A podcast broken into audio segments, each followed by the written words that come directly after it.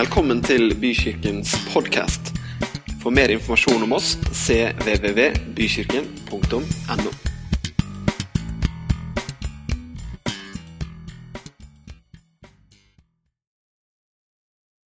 Ja, god, for, god formiddag. Dere har overlevd Nina, ser jeg. Det er jo perfekt. Ehm, jeg leste nå at de har bestemt seg for at nå skal de bare oppkalle stormer etter damer, ikke etter menn lenger. Eh, fordi at, eh, at folk blir ikke så nervøse når, eh, når stormene har damenavn, sa de på Meteorologisk institutt. Men så skal de alltid ha menn som forklarer stormene, fordi at da, da, da tar folk det litt mer seriøst. Eh, Så eh, Jeg leste også i går at eh, i, i Norge er det jo Meteorologisk institutt som bestemmer hva stormen skal hete. Og de har en liste som er bestemt på forhånd. Mens i Tyskland der kan du for 200 euro kjøpe deg en storm. Og få ditt navn på stormen. Så det er jo et julegavetips til neste år. Kjøp en storm til kona. Så, men det er fint å se at dere har kommet dere gjennom gårsdagen. Som sagt, jeg heter Tor Einar Krogh. Er eh, 44 år gammel. Eh, Pastor i Porsgrunn evangeliehuset. Pappa til tre jenter. Tvillinger på fem år. Og eh, ei som er syv år gammel. Så jeg bor i et rosa hus og ser romantiske komedier når jeg ikke er her. Eh, og eh, særlig Sofie på fem år. Hun er veldig sånn eh, eh, direkte i stilen. Og det var her en morgen for eh, noen uker siden der eh, hun og jeg sto opp tidlig. Eller hun sto opp tidlig, og jeg måtte da opp. Og, eh, og vi sitter der i sofaen, og hun spør pappa jeg har lyst på godteri. Er en søndag morgen. Jeg sier det er ikke lørdag. Godteri er på lørdag. Lørdagsgodt. Det heter ikke søndagsgodt, det heter lørdagsgodt. Og så ser hun på meg, og så, og så sier hun Pappa, du er ikke helt min type, du. Så det er jo tøffe, tøffe dager. Eh, men, men det er jo noe med når eh, forventningene ikke blir møtt. Når forventningene ikke blir møtt, da kommer det en annen følelse i oss, og da blir vi ofte frustrert. Og når gapet mellom våre forventninger og våre erfaringer blir stort, så kommer frustrasjonen. Og Det har vi sikkert alle sammen kjent på til tider når vi har en forventning om hvordan det skal være, og så blir det ikke helt sånt. Og så går vi rundt og er frustrerte. Jeg vet ikke om jeg ser jo det er flere, flere som har passert 40 og er i, liksom i Frank, har ikke du passert 40 nå?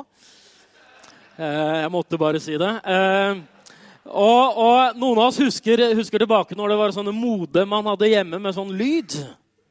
Er det noen som husker det? Hvordan var den lyden? den pipelyden. Og, og, du husker liksom at du skulle laste den, og du satte på før høstferien, og så kom du hjem, og så, og så var det forhåpentligvis lasta ned. Eh, mens nå, hvis det liksom tar et par minutter, så er det liksom Jeg tror jeg må ha meg ny, ny Jeg må øke hastigheten her. Eller jeg må ha meg en ny datamaskin. Fordi at eh, forventningene våre har blitt noen helt andre. Og det var på en måte greit, da, fordi du visste at det tok lang tid, og du bare forholdt deg til det.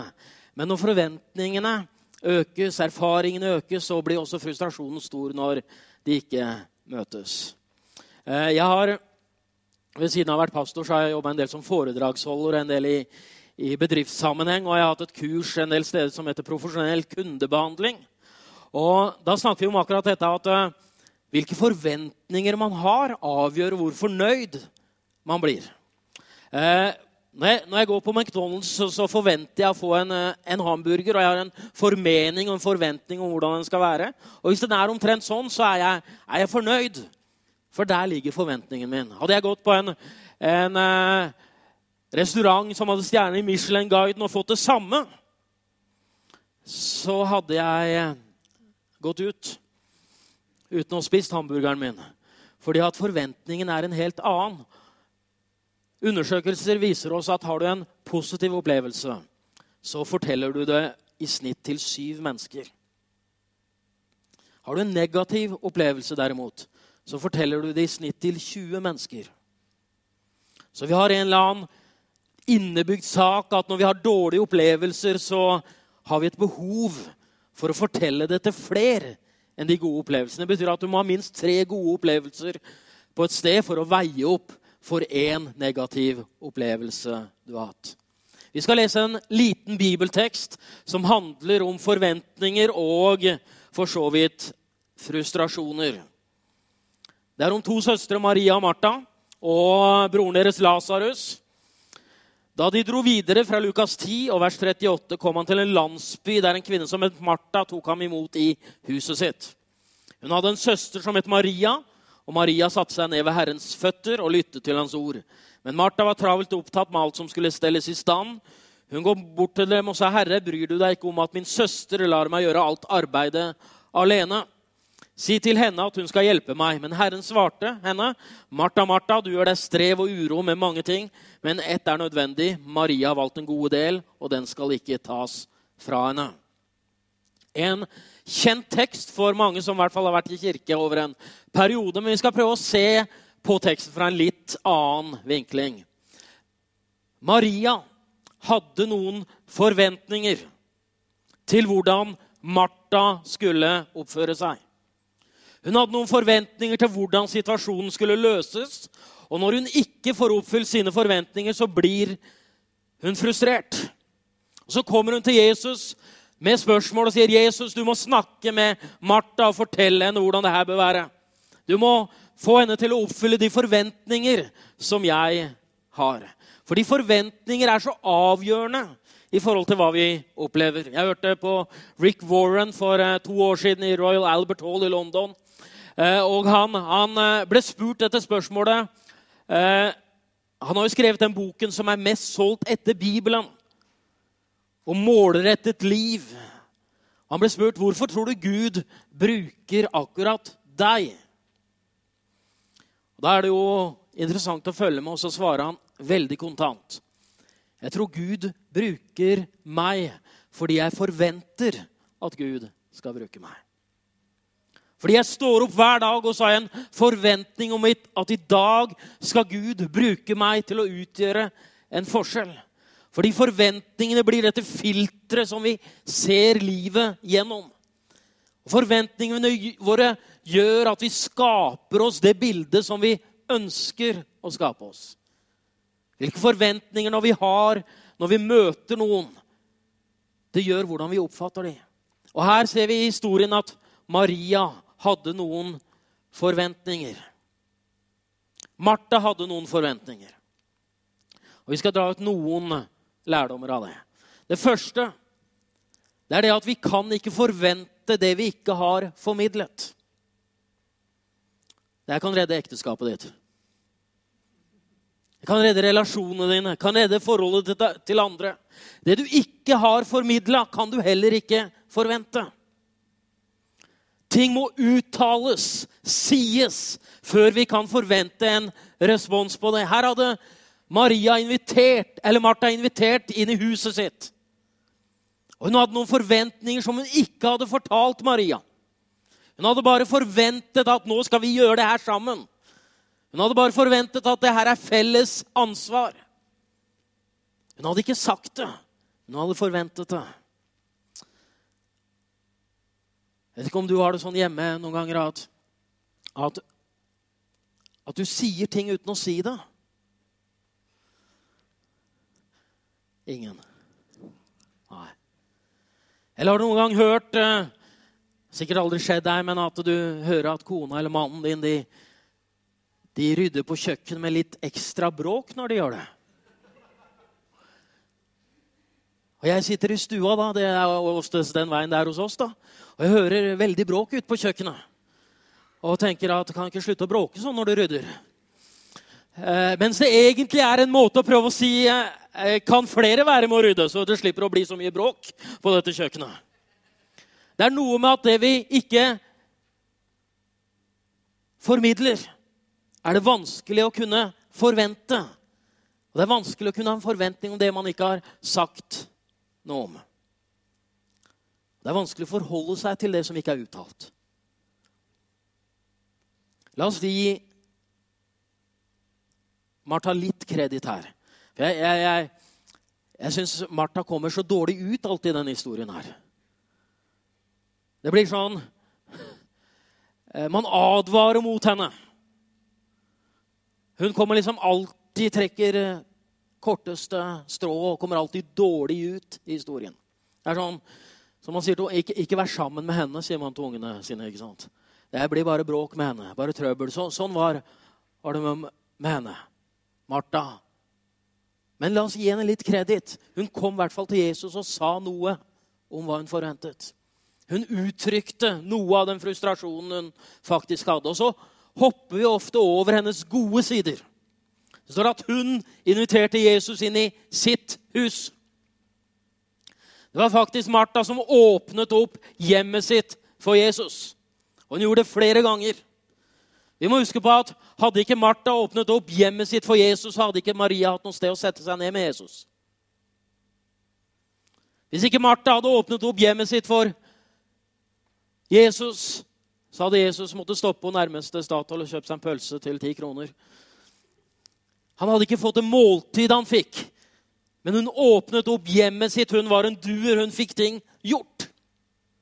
Og vi trenger vi trenger i menigheten folk som får ting gjort. Kan jeg få et lite amen på det? Særlig lederskapet er de bare nikker. Vi trenger folk som får ting gjort. Vi trenger ikke bare folk som setter seg ned ved Jesu føtter og håper på at noe godt skjer. Ja, men skal vi ikke be, og skal vi ikke Jo, vi skal alt det. Men det kan jo være greit at noen åpner opp huset sitt. Hørte om, om life groups her. Det kan jo være greit at noen åpner opp døra si hjemme og slipper deg inn. Det kan jo være greit at noen ordner litt, selv om det ikke trenger å være så voldsomt. Sånn at du har et sted å sitte ned og ha disse gode samtalene som eh, vi hørte, og få et så nært forhold til det at du adopterer gruppa, sier gruppa mi. Det er veldig bra. Det er greit å eie en gruppe. Det er noe med forventningene våre, det er noe med at vi må gi henne også kreditt for det hun gjorde. Det andre jeg har lyst til å si, er at vi kan ikke forvente at andre er lik oss. Det er der frustrasjonen ofte kommer. Det er når vi forventer at andre skal reagere på samme måte som oss, eller andre skal like det samme som oss, eller andre skal søke Gud på samme måte som oss. Vi er forskjellige. Og det er det Martha erfarer her, at Maria er forskjellig fra henne. Og så prøver hun å flytte sin standard og sin måte over på Maria og si at sånn skal det være. Du må gjøre på denne måten. Men det er noe godt med å senke skuldrene og bare tenke at vi er forskjellige. Og det er bra, det er positivt. Og Noen ganger når jeg hører om hvordan folk opplever Gud, så tenker jeg at det, jeg er ikke sånn i hele tatt. Jeg hører folk, Det er kanskje noen av dere som drar på noen retreat og skal være stille i flere dager og møte Gud. Jeg, mener, jeg, jeg, jeg hadde jo blitt en plage på et sånt sted. Jeg, tror jeg hadde fått sånn oppfordring om at uh, helga er over, dra hjem. Du ødelegger hele konseptet med stillhet. Jeg faktisk jeg ble kristen da jeg var 17 år, men jeg gikk på søndagsskolen eh, og fikk eh, fire sånne fisker i garnet. Eller, eller på trærne. Jeg husker ikke hva det var. Jeg tror det var fisker i garnet. Og jeg kommer aldri til å glemme hvordan søndagsskolelæreren kom til meg etter en time. Også. Dere har jo ikke sånne her, men han, han klappa meg på skuldra og så sa han at Tor Einar, jeg tror det kanskje er bedre at du starter på fotball. jeg. Så jeg har, jo blitt, fått en vennlig oppfordring om å slutte på søndagsskolen. da. Så jeg tok jo hans oppfordring og slutta på søndagsskolen og starta på fotball. Og jeg føler det hadde blitt sånn på retreat for meg. da, At jeg hadde fått en sånn vennlig klapp på skuldra og si at kanskje bedre at du drar en tur på byen enn å sitte her og være stille. Men så må vi ha respekt for at folk opplever Gud forskjellig. Så må vi ha respekt for at Martha hadde sin gave som hun måtte bruke for å uttrykke sin kjærlighet til Jesus at andre opplever Jesus på en annen måte. Og sånn er det jo i relasjoner òg. Vi har jo blitt plaga, i hvert fall min generasjon, av denne boka 'Fem kjærlighetsspråk'. Er det noen som har lest den? At vi opplever kjærlighet på forskjellige måter.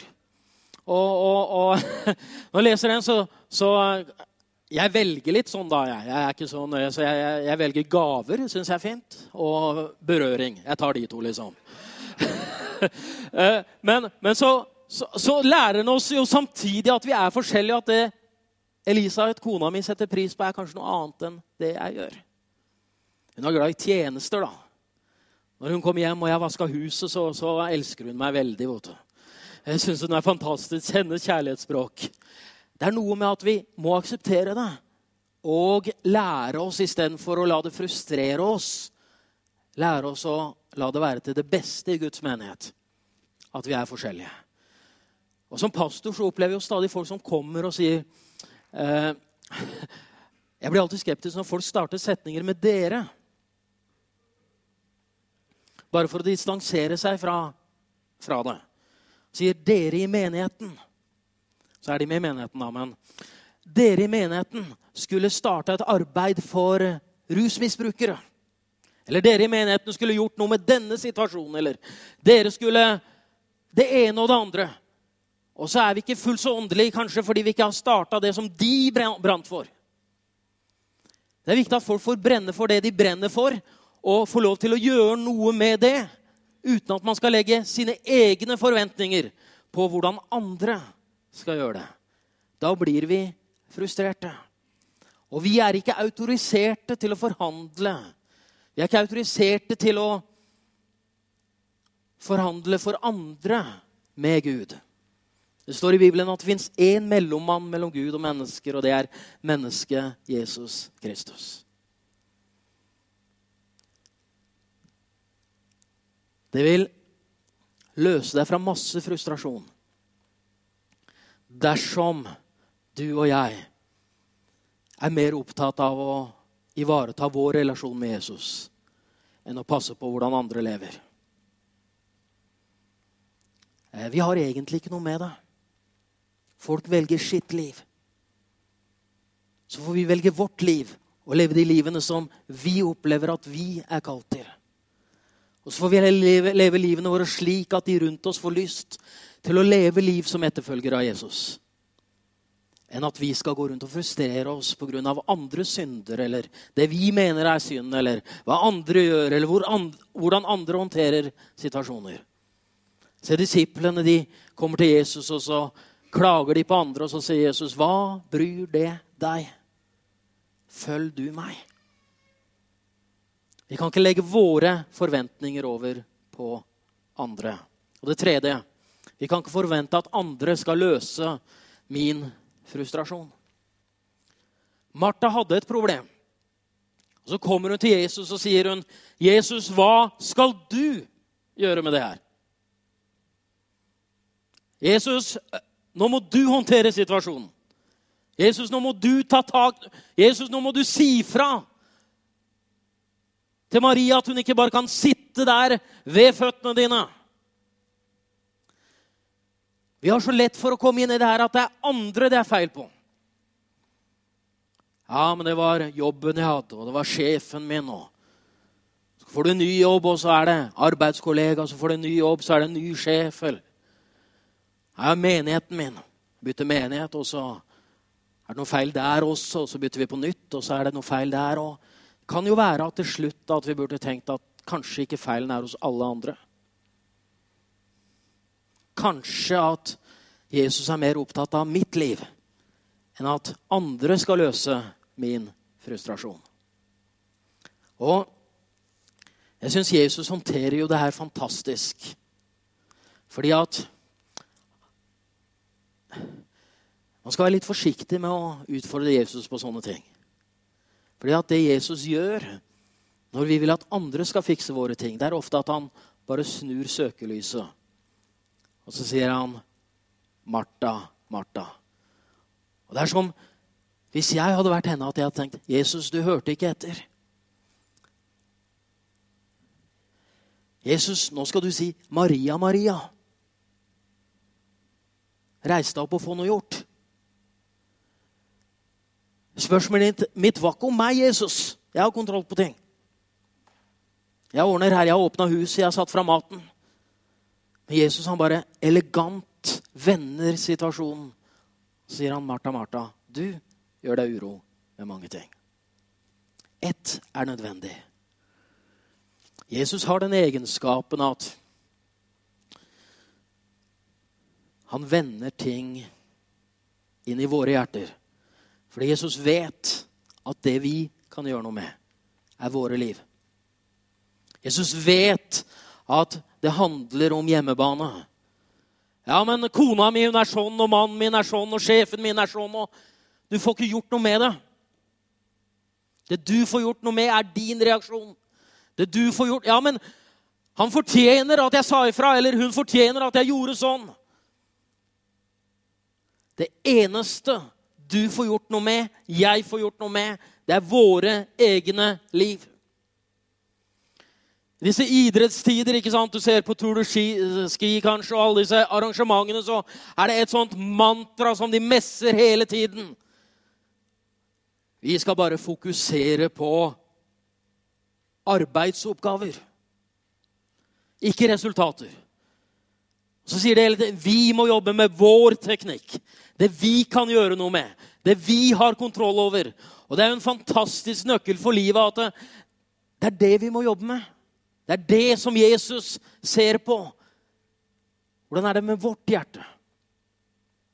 Hvordan er det med vårt reaksjonsmønster i møte med forventninger? Og det er litt utfordrende.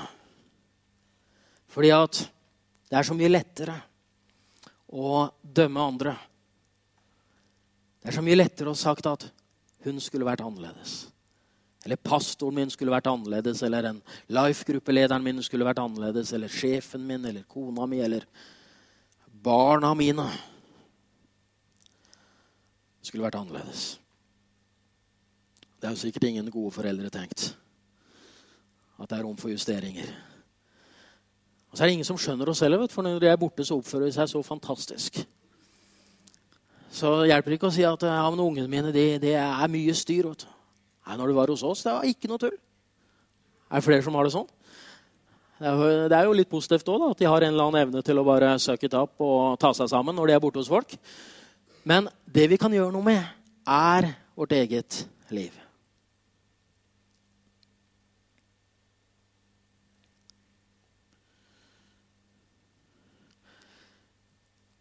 Det er som om Jesus sier at Martha, jeg er glad for at du åpner hjemmet ditt.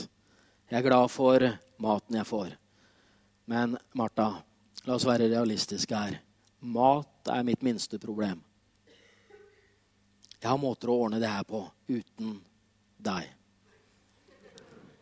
Det her handler om at Jesus vil ha tak i hjertet hennes. Det handler ikke om at Jesus vil ha huset hennes, maten hennes, tjenestene hennes. Det handler om at dette var Jesu vei inn til hjertet til Martha. Jesus hadde jo vist gang på gang at han kunne ta det minste av mat og gjøre det til mat til mange. Det virker som Martha lærte leksen, fordi det står om flere måltider som hun var involvert i. Hvis vi går til Johannes 12, står det seks dager før påske kom Jesus til Betania, der Lasarus bodde. Han som Jesus hadde vekket opp fra de døde. Der ble det holdt et festmåltid for ham. Martha vartet opp. Her er hun gang igjen. Og Lasarus var blant dem som lå til bords sammen med ham. Avslappa stemning, med andre ord. Og hun varter opp igjen. Hadde det her vært noen kapitler tidligere, så er det som jeg kan se for meg at hun hadde gått bort og sparka til Lasarus og sagt at du er ikke død nå lenger. Du kan bidra litt her. Jesus, du har vekt opp Lasarus. Fins det ikke mer liv i han, liksom? Kan vi ikke få til å gjøre noe her sammen, Lasarus? Du er broren min. Men her virker det som Martha bare har innsett at dette er min tjeneste. Dette er mitt hjerte. Hjertet var på plass. Hun gjorde det pga. at hun elsket Jesus. Pga. at hun ønsket å bidra til at andre kunne enda en gang sette seg til bords med Jesus. Være ved Jesu føtter. Lære, vokse, utvikle seg. Og til slutt la ikke det du forventer, hindre det Gud vil du skal erfare. La ikke det du forventer, hindre deg fra det Gud vil du skal erfare.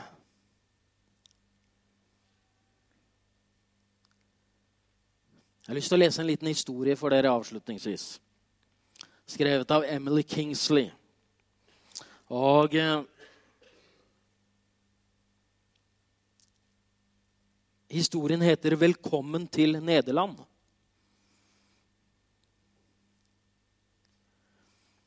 Jeg blir ofte spurt om å beskrive opplevelsen av å oppdra et barn med en funksjonshemning. Jeg fikk et barn med Downs syndrom. For å prøve å hjelpe de som ikke har delt denne unike opplevelsen, til å forstå det, til å forestille seg hvordan det vil føles. Det er som dette. Når du skal ha et barn, så er det som å planlegge en fantastisk ferietur til Italia. Du kjøper en stabel med guidebøker og legger store planer. Colosseum, Michelangelo, gondolen i Venezia. Kanskje du lærer noen nyttige fraser på italiensk. Du er spent. Etter måneder med ivrig forventning kommer endelig dagen du pakker kofferten og drar av sted. Flere timer senere lander flyet. Flyvertinnen tar mikrofonen og sier 'Velkommen til Nederland'. Nederland, sier du. Hva mener du med Nederland? Jeg har bestilt tur til Italia. Jeg skulle vært i Italia nå. Det er det jeg har drømt om hele livet. Men det har vært en endring i flyets rute. Du har landet i Nederland, og der må du bli. Det viktige er at de ikke har tatt deg med til et forferdelig sted. Fullt av nød og sykdom. Det er bare et annet sted. Nå må du gå og kjøpe nye guidebøker. Du må lære deg et helt nytt språk. Og du vil møte en helt ny gruppe mennesker som du ikke har møtt før. Det er bare et annet sted. Det er roligere enn Italia. Det er ikke så prangende som Italia. Men etter du har vært der en stund og får pusten igjen, ser du deg rundt, og du begynner å legge merke til tulipanene, vindmøllene, Rembrandt. Men alle du kjenner, er travelt opptatt med å reise fram og tilbake til Italia, og alle skryter av hvor fint de har hatt det. For resten av livet ditt så vil du kanskje tenke ja, det er der jeg skulle ha vært. Det var det jeg planla. Og Smerten ved det vil aldri bli borte fordi tapet av en drøm er et tap. Men hvis du tilbringer livet med å sørge over at du ikke kom deg til Italia, så vil du aldri føle deg fri til å nyte de helt spesielle og svært vakre tingene i Nederland. Skriv hun til slutt. La ikke det du forventet, hindre deg fra å oppleve livet der du er i dag. Jeg vet ikke om livet ditt i dag er sånn som du hadde tegna det ned på blokka når du var 18 år. Kanskje. Kanskje det er annerledes. Kanskje du har møtt noen stormer underveis. Kanskje du har møtt noen erfaringer underveis som tok deg til et annet sted. Jeg møter altfor mange mennesker som er opptatt av hvordan livet kunne ha vært. Eller burde ha vært. Men det det gjør med oss, er at det fratar oss evnen til å forvente Guds inngripen der vi faktisk er. Ja, men Jeg skulle hatt en annen jobb eller vært på en annen arbeidsplass eller bodd et annet sted. eller... Du er faktisk der du er. Og Gud har planer for deg der du er akkurat nå. Ja, men hvis jeg bare fikk ordna det Nei! Gud er med deg i dag. Gud er i din hverdag i dag og i morgen. Han har lov til å være med deg hver eneste dag. Så istedenfor å reflektere over hvordan ting kunne vært, så tror jeg Gud utfordrer oss til å si at dagen er slik den er. Og begynne å speide etter Gud der du er. Og det at ting er annerledes, betyr ikke at det er dårlig. Det betyr bare at det er annerledes. Eller at det er en ny fase i livet ditt. Husker i starten etter vi fikk tre barn sånn rimelig raskt, så var det jo liksom sånn zombietilværelse første halve året, syns jeg, etter tvillingene ble, ble født. Eh, vi hadde en sånn arbeidsfordeling. Jeg skulle ta video, kona mi skulle ta bilder. Vi har tusenvis av bilder og 28 sekunder video. Fra det første halvåret så Så det var litt der. Og jeg hadde jobben min, jeg skulle preke, og jeg husker jeg var frustrert og tenkte Når skal jeg få forberedt meg? Og Det nytta liksom ikke å prøve å være åndelig og si at du Elisabeth, jeg trenger to timer inne på kontoret mitt nå, bare helt for meg selv. Det var ingen forståelse. vet. Det var to unger som hylte ute i stua. Og ei kone som hylte etter hvert. Og nei da, det, det, gikk bra. Men det, det var liksom stress. Og så kan man isteden vende det og si at Gud, du ser at du har velsigna meg med disse fantastiske ungene. Eh, gi meg noe mens jeg mater her i stereo. Og vet du hva? Når fokuset mitt vendte seg, så er det sjelden jeg har opplevd en sånn Guds nærhet som i de øyeblikkene, fordi at plutselig begynte jeg å se etter Gud. I det som var bare annerledes omstendigheter, som var fantastiske omstendigheter egentlig, som samtidig var utfordrende. Det er noe med å se etter Gud akkurat der man er. Å være til stede i øyeblikkene.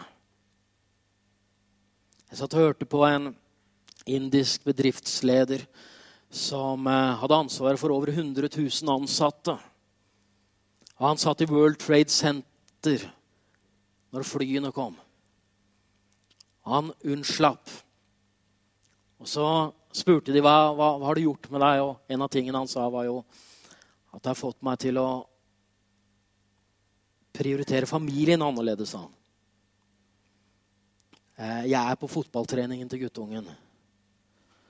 Eh, og så sier han som intervjuer han at eh, ja, men det er jo flott for guttungen din å huske at pappa var der.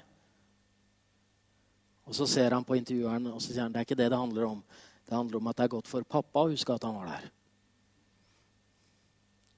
Det er fordi jeg ville være der. Til stede i øyeblikket. Se etter mulighetene, se etter Guds nærvære. Se etter hva Gud har gitt deg akkurat i dag.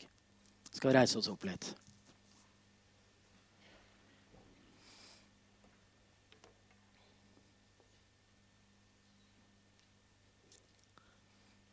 Kanskje lovsangstime kunne hjelpe meg litt?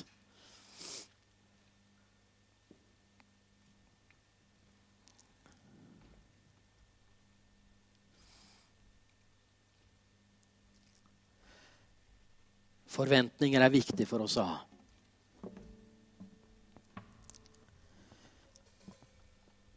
Det er så fort gjort å justere forventningene ned til erfaringsnivå. Jeg tror det ble snakka her om forrige søndag om å løfte blikket, stemmer det? Om å se fremover. Det er noe med å få løfta blikket og sette opp på Gud. Sette at eh, At han er der. Det en som sa det sånn at tilbedelse, lovsang, er ikke å unnslippe den virkelige verden for å finne Gud. Tilbedelse, lovsang, er å oppleve Guds nærvær i den virkelige verden. Fordi Gud er til stede i vår hverdag. Kanskje du er her i dag og du regner deg ikke som, som en kristen. Kanskje du er frustrert fordi du hadde noen forventninger til hvordan kristne var. Og så levde de ikke opp til det du mente de burde. Så har du blitt frustrert kanskje både på kirke og på Gud. Men Gud er til stede hos deg. Han ønsker å komme til deg, og han ønsker at du kan si ditt ja til ham. Uansett hvor du er i livet. I går kveld hadde jeg gleden av å tale på et ungdomsmøte i Sandefjord. og Da var det to, to unge mennesker som rakk opp hånda og sa at ja, jeg ønsker å bli en kristen. Tidlig i livet. Vet ikke hvor du er i livet, men du har samme mulighetene så kan vi ikke lukke øynene våre litt og ikke se oss rundt. Så gir jeg alltid denne muligheten, fordi jeg, jeg vet aldri hvem som er til stede, og hvilket forhold man har til Gud. Skulle du være her i formiddag, og du har lyst til å si at ja, det er ikke sikkert alt ble sånn som jeg så for meg når jeg var 18. Men jeg har i dag lyst til å si mitt ja til Jesus. Oppleve at jeg får fred med Gud. Kan ikke du løfte hånda di akkurat der du står? Bare som et uttrykk for din beslutning.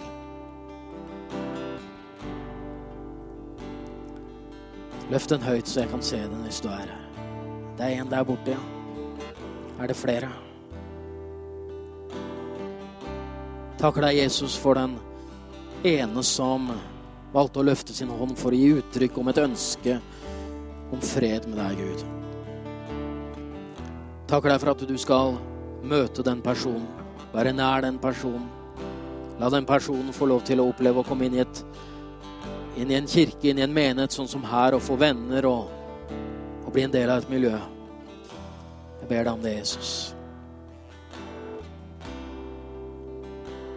I Jesu navn. Så ber jeg for Bykirken, jeg ber for alle som er med her, jeg ber for Tønsberg.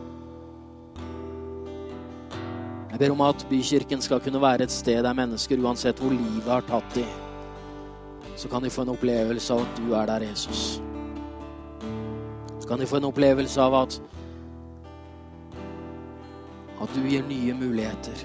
Du gir nye sjanser. At du er nær hos hver den som kaller på deg. Takker deg for det. Jesu navn.